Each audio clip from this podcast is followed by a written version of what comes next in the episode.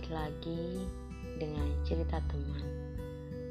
Kali ini aku akan menceritakan cerita yang ditulis oleh teman kita, yakni Medi, yang berjudul Kamar Lorong Pencipta Kenangan. Bahkan pembicaraan kita hari ini akan menjadi kenangan, bukan?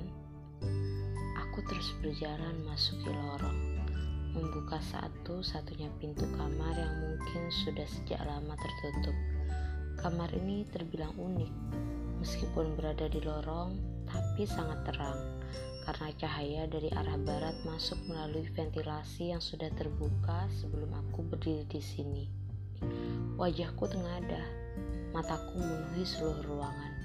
Hampir seluruh dinding terpenuhi foto-foto berukuran 4R tanpa figura. Aku terus melangkah mengikuti alur sekumpulan foto yang mengitari kamar ini. Setelah ku perhatikan dari dekat, rupanya foto seorang lelaki berwajah sama dengan pose yang berbeda-beda. Aku terus mengikuti deretan foto hingga mataku terhenti pada catatan kecil yang terpajang di atas ratusan foto. Biarkan foto-foto ini tetap terpajang. Isi dari catatan itu. Aku termenung sejenak, menciptakan perkiraan yang tiba-tiba muncul dalam pikiranku. Mungkin laki itu pacar atau mantan terindah pemilik kamar sebelumku.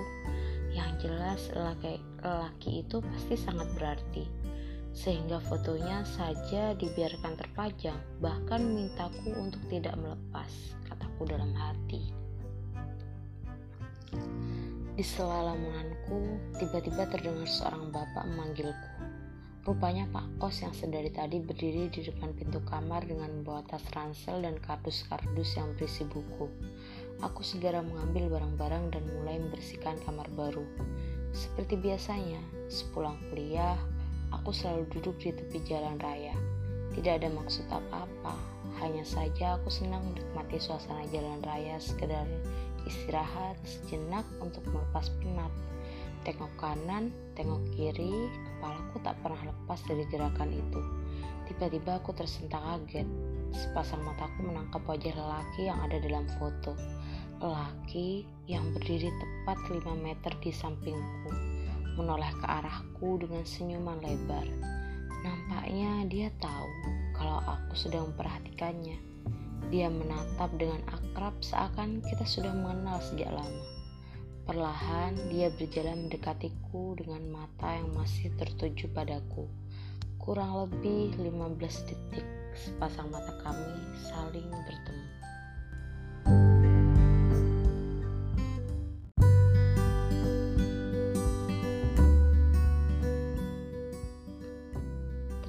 kasih semesta, berkat luka yang tercipta semakin membuatku dewasa.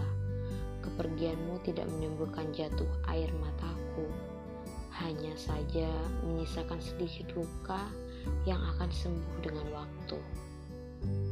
Mataku tertahan karena ucapan yang baru saja ku dengar salah satu catatan yang terpajang di kamar dibaca lancar oleh lelaki itu yang membuatku bingung. Catatan itu hasil dari pemikiranku sendiri, belum pernah aku publikasikan di media sosial. Lelaki itu tersenyum seakan mengerti dengan segala kebingunganku.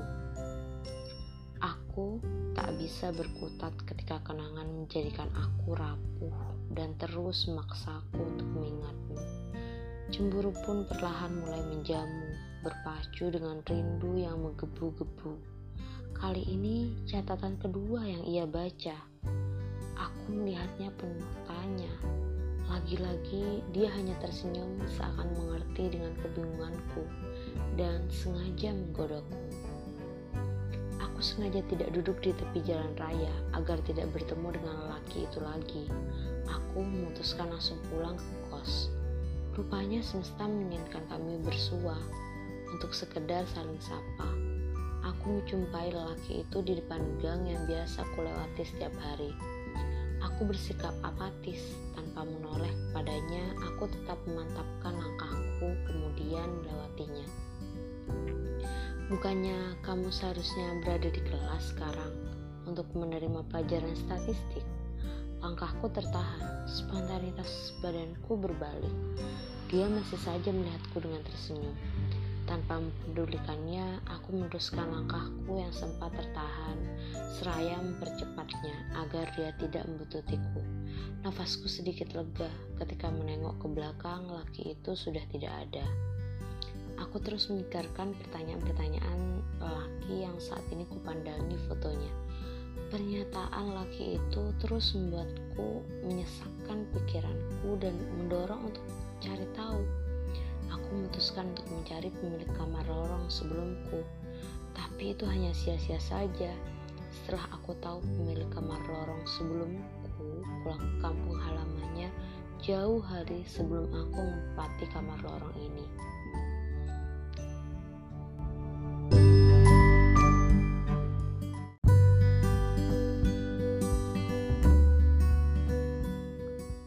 Udara segar merasuk ke tubuhku. Jalanan masih terlihat sepi, hanya penjual sayur keliling yang terlihat.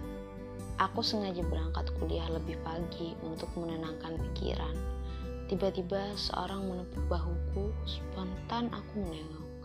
Lagi-lagi wajah lelaki itu yang kulihat. Berhentilah memikirkanku, lelaki itu mulainya. Aku tidak memikirkanmu, jawabku singkat. Aku terus berjalan menghindari lelaki itu. Pikiran yang mulai tenang kini berubah menjadi pertanyaan-pertanyaan yang seakan mengejarku. Kenapa dengan laki itu? Kenapa dia bersikap sangat aneh? Kenapa kita sering berjumpa? Kenapa laki itu tahu semalaman aku terus memikirkannya?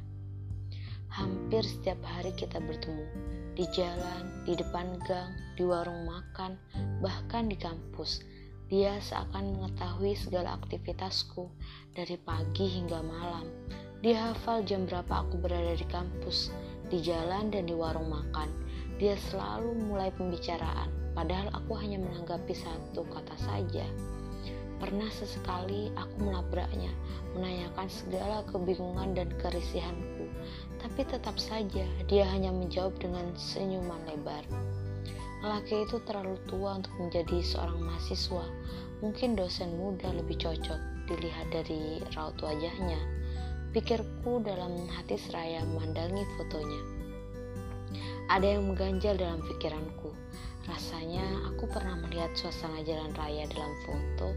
Aku beralih ke foto lainnya Tempat-tempat yang disinggahi laki itu tidak asing bagiku. Aku mencoba mengingat-ingat, sekilas nampak sama seperti suasana jalan raya di depan kampus yang kunikmati setiap hari.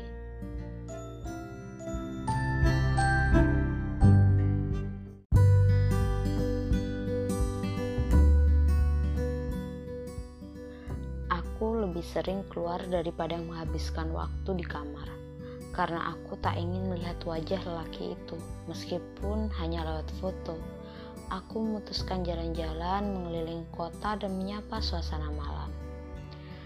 Jalanan terasa sepi, arus kendaraan yang semula padat kini hanya satu atau dua saja yang melintas. Aku masih saja duduk termenung di depan toko roti, ditemani segala pertanyaan yang membuatku bingung akhir-akhir ini. Siapa sebenarnya laki itu? Mengapa dia tahu segala aktivitasku? Ada hubungan apa laki itu dengan pemilik kamar sebelumku? Seorang wanita tiba-tiba duduk di sampingku. Boleh aku duduk di sini? Wanita itu mulai pembicaraan.